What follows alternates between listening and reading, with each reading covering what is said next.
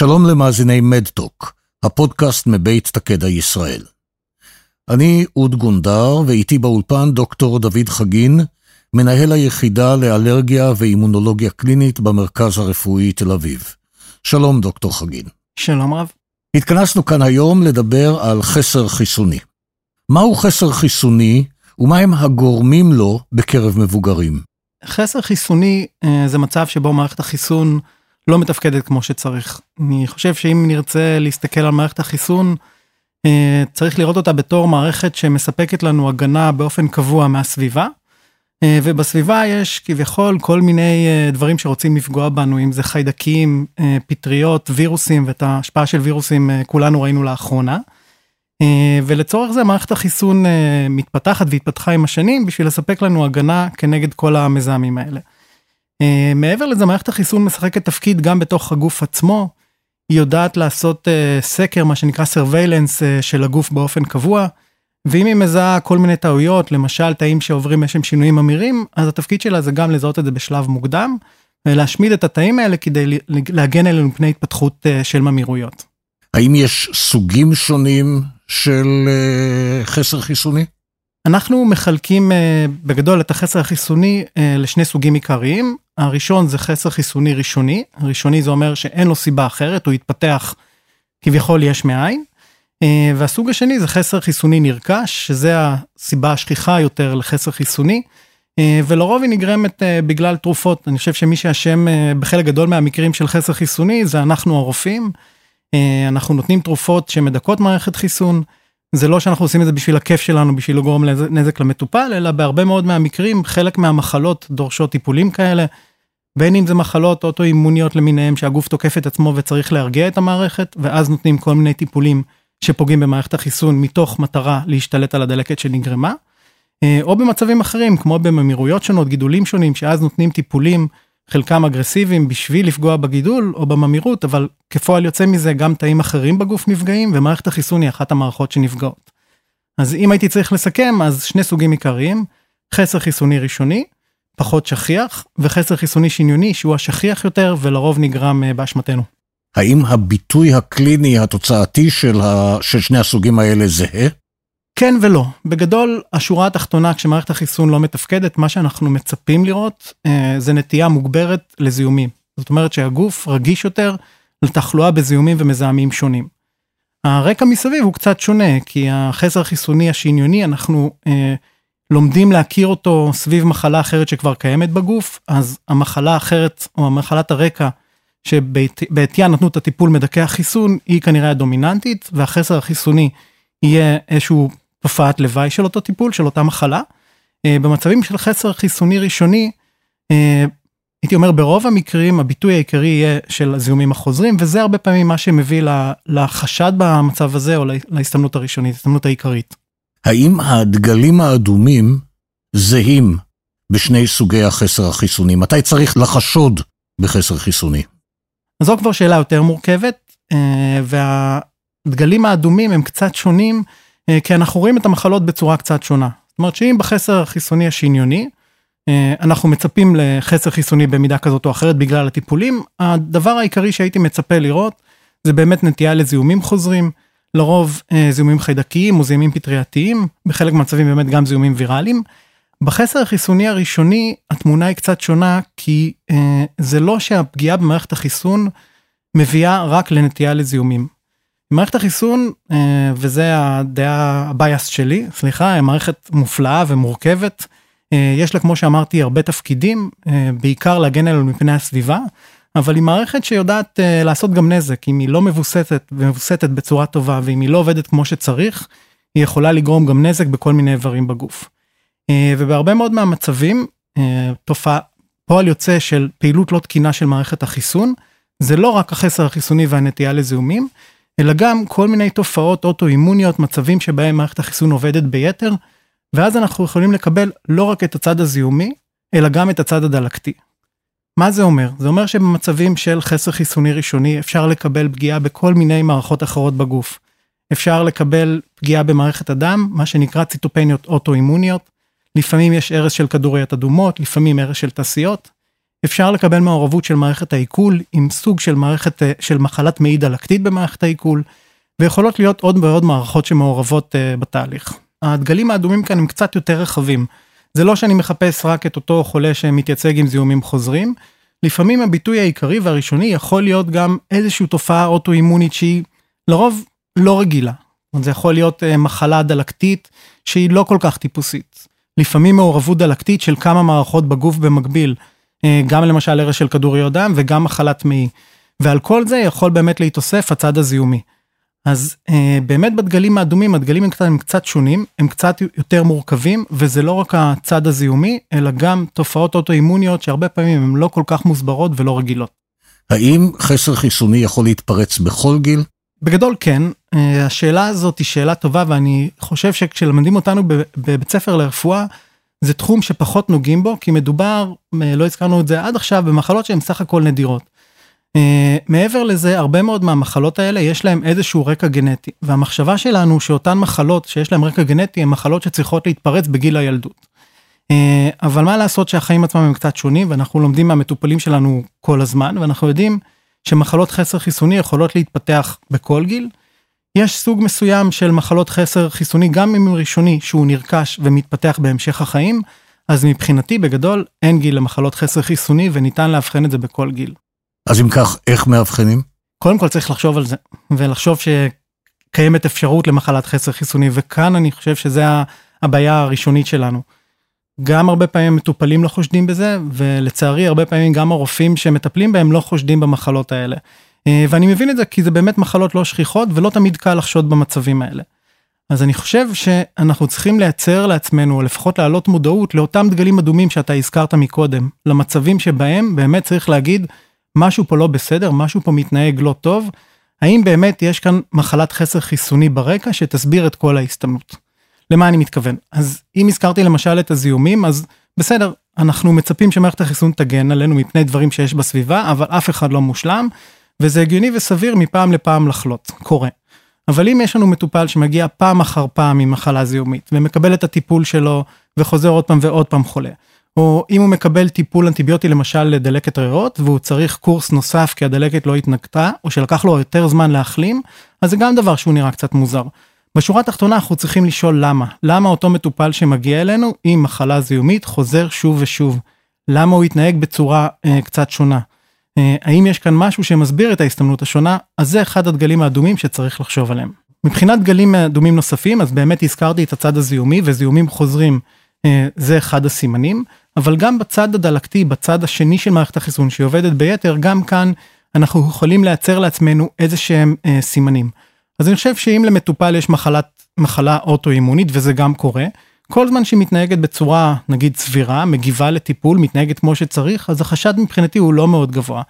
אבל אם יש מחלה אוטואימונית או משלב של מחלות אוטואימוניות שהרבה יותר קשה לטפל בהן, או שהן לא מגיבות לקו ראשון וקו שני של טיפולים, לי זה אומר שיכול להיות שמערכת החיסון משחקת כאן תפקיד והיא דוחפת את התהליך בצורה יותר אגרסיבית.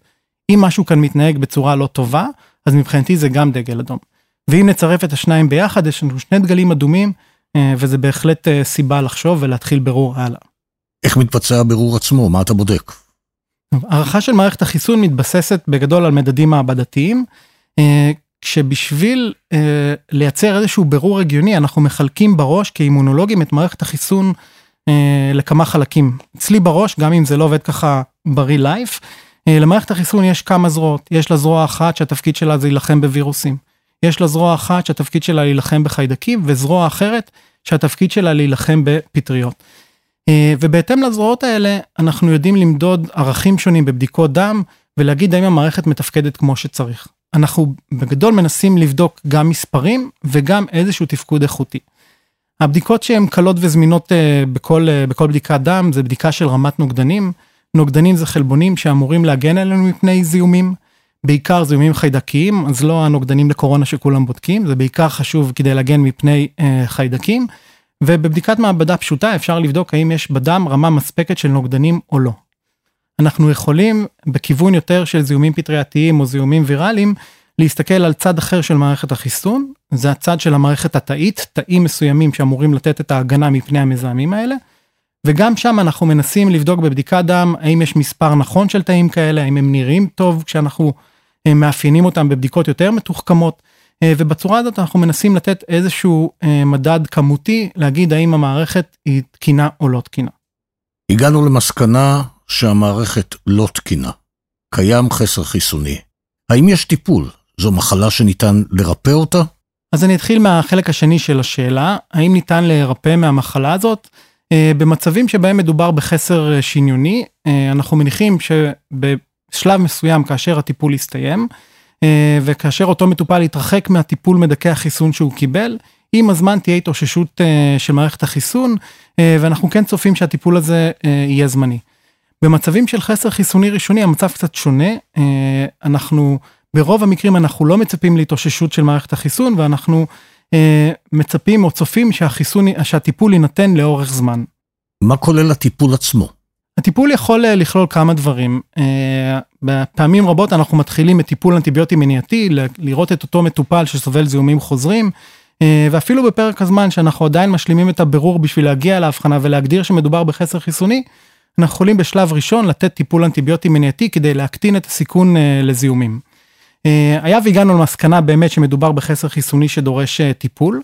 גם כאן השאלה היא באיזה חסר מדובר, והטיפול שזמין לנו בעיקר זה טיפול במתן נוגדנים, והוא מיועד, מיועד לאותם מטופלים שיש להם באמת חסר נוגדנים משמעותי. לפני שמתחילים בטיפול אנחנו צריכים לקבל החלטה ולראות האם באמת נחוץ לתת טיפול בכל מקרה לגופו. כי למשל הרבה מאיתנו מרגישים חולים בזיהומים חוזרים, נטייה לזיהומים ויראליים חוזרים, מצוננים מפעם לפעם, ולא כל תחלואה חוזרת מחייבת טיפול. אנחנו שומרים את הטיפול למצבים שבהם יש זיהומים משמעותיים חוזרים, שאנחנו חוששים גם שיגרמו נזק לטווח ארוך, ולזה הטיפול מיועד. אז מעבר לאנטיביוטיקה שהזכרתי קודם, הטיפול העיקרי שקיים לנו בתור טיפול לחיזוק מערכת החיסון, זה טיפול במתן נוגדנים. הוא מיועד לאותם אנשים שבדקנו וראינו באמת שיש להם רמה נמוכה של נוגדנים, ולא רק שיש להם רמה נמוכה של נוגדנים, הם באמת סובלים תחלואה זיהומית חוזרת בצורה משמעותית. מה זה נוגדנים? נוגדנים זה חלבונים שאמורים להגן עלינו מפני מזהמים שונים, בדגש על זיהומים חיידקיים, אז כולנו מכירים נוגדנים מקורונה, אבל לא זה התפקיד העיקרי שלהם. וברגע שמגיע מטופל עם זיהומים חוזרים, לרוב זיהומים חיידקיים, ובאמת מצאנו שיש לו רמת נוגדנים נמוכה, את המטופל הזה אנחנו נכוון ונייעד לטיפול במתן נוגדנים חלופי. צריך להבין שזה לא מדובר, לא מדובר בטיפול חד פעמי, מטופל, מדובר בטיפול שניתן לאורך זמן, וכמו שהזכרתי מקודם, במצבים של חסר חיסוני ראשוני, אנחנו לא מצפים שהוא חסר יחלוף, ולכן אנחנו מדברים על טיפול ארוך טווח, ולכן אנחנו מקבלים את ההחלטה בהתאם למטופל הספציפי. איפה מקבלים אותו? נוגדנים זה מוצר דם, זה מוצר שמופק באמת מעשרות אלפי אנשים, מפול של אלפי אנשים שאוספים מהם תרומות דם ומהם מפיקים את הנוגדנים. הטיפול ניתן בשתי צורות עיקריות, או בעירוי לווריד, או במתן תת-עורי. ההבדל בין, בין שתי הצורות זה בעיקר בנוחות הטיפול או ב setting שבו הטיפול ניתן. מעצם העובדה הטיפול שניתן דרך הווריד צריך להינתן במרכזים רפואיים כדי שישיגו גישה, יכניסו עירוי, ישיגו גישה לווריד ובאמת ישגיחו על המטופל במהלך העירוי. הטיפול התת-עורי זה דבר שנכנס בשנים האחרונות והיתרון הגדול שלו שהוא יכול להינתן בבית ולהתבצע על ידי המטופל עצמו. והמטופלים שעושים את זה בעצמם בבית מסתדרים עם זה? חולים מסתדרים עם זה טוב מאוד ומההתרשמות שלנו גם הרבה פעמים אוהבים את הטיפולים יותר מאשר להגיע לבית החולים. חלק מהאנשים אוהבים את הליווי שלנו אבל עדיין נראה לי שיש יתרון גדול בלקבל את הטיפול בבית בלי להיות תלוי במסגרת רפואית בלי אובדן ימי עבודה. אם תחשוב על זה יש טיפולים אחרים שניתנים בהזרקת התורית אנשים מזריקים אינסולין מזריקים תרופות מדללי דם והרבה טיפולים אחרים. כאן מדובר בהזרקה של נפח גדול יותר של תרופה וזה לוקח יותר זמן אבל אנחנו יודעים להדריך את המטופלים לעשות את זה בצורה טובה. מטופלים יכולים לקבל ליווי שלנו בהדרכה איך לעשות את ההזרקה, יש ליווי של קופות החולים וגם של חברות התרופות, ככה שיש את המסגרת לתת להם את התמיכה בשביל לעשות את זה בצורה בטוחה, עם לימוד עצמי ולהגיע לעצמאות בטיפול בצורה מאוד מהירה. עד כמה ניתן לנהל חיי שגרה במסגרת טיפולים כאלה? המטרה שלנו שהמטופלים ינהלו חיי שגרה מלאים. אני, אם הייתי יכול להגיד מה אני רוצה לתת למטופלים בטיפולים האלה, זה באמת את העצמאות, את הביטחון לדעת שהם יכולים לנהל אורח חיים מלא. נכון, הם יצטרכו לקבל טיפול אחת ל, בין אם אחת לחודש או אחת למספר שבועות, בין אם זה יהיה בבית או במסגרת בית חולים, אבל השאיפה שלנו שיחד עם הטיפול הזה אנחנו ניתן להם את ההגנה הסביבתית החיסונית שחסרה להם כדי לנהל אורח חיים בריא ומלא. די אופטימי בסופו של דבר. אז בגדול כן, יש סיבה להיות אופטימיים, הטיפולים באמת מאפשרים להשלים את חלק ניכר מהחסרים שקיימים, אז כן, יש סיבה להיות אופטימי. רגע לפני שאנחנו מסיימים, מה הטיפ הכי טוב שאתה יכול לתת לחולה עם חסר חיסוני? זה כמה דברים. אני חושב שלצערי, בגלל סיבות שהזכרתי מקודם, שהרבה פעמים לא חושבים על המחלות האלה, וזה לא בתודעה לא של המטופלים ולא של הרופאים, אז הרבה פעמים מגיעים לאבחון בשלב מאוחר ולוקח הרבה זמן. אז אני חושב שעם כל החשש לפעמים שנלווה להגדרה של חסר חיסוני ומה זה אומר עליי, אחד הדברים ש, שחלק מהחולים משיגים, המטופלים משיגים, זה הבנה שיש הסבר לדברים שהיו עד עכשיו, וזה לא שסתם היה לי, סבלתי ממחלה כזאת ומחלה נוספת, אלא באמת היה, יש כאן בעיה ברקע, ועכשיו אנחנו יודעים מהי, ואנחנו יכולים להכווין את הטיפול בצורה שבשאיפה תביא לשיפור משמעותי באיכות החיים שלהם. הדבר השני שחשוב לי שמטופלים ידעו, שבאמת שמדברים על מחלות חסר חיסוני ראשוני, זה מחלות נדירות, הביטוי לפעמים הוא, הוא שונה רק מהזיהומים, אבל הדבר החשוב שהם ידעו זה שהם לא לבד והם לא היחידים. ולצורך זה היינו שותפים בהקמה של עמותת מטופלים, קוראים לה בבל קר, ואפשר לחפש אותה וליצור איתם קשר. הדבר, היתרון העיקרי בלהיות חלק מקבוצה באמת זה לדעת שאתה לא לבד ואתה יכול ללמוד מניסיון של אחרים ולהתייעץ עם אחרים, בין אם לגבי הטיפול שאתה מקבל, תופעות לוואי שאתה מרגיש שיש לך, קצת לרחל על הרופאים שמטפלים בך.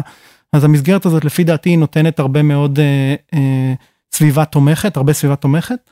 אה, ומעבר לזה, הם צריכים למצוא את המסגרת הרפואית ואת הרופא שידע אה, להקשיב להם, לזהות האם משהו קצת מזייף ואם יש דברים אה, שונים, כי על כמה שהתמקדנו בצד הזיהומי, יש גם את הצד האוטואימוני לפעמים, שהוא יכול להתבטא בכל גיל. לקבל צורות קצת מוזרות, אז חשוב שיהיה להם רופא באמת שדדיקייטד ומסור לתחום, ושיוכל, שיהיה נגיש ושיוכל להכווין אותם בבירור או להכווין טיפול לפי הצורך.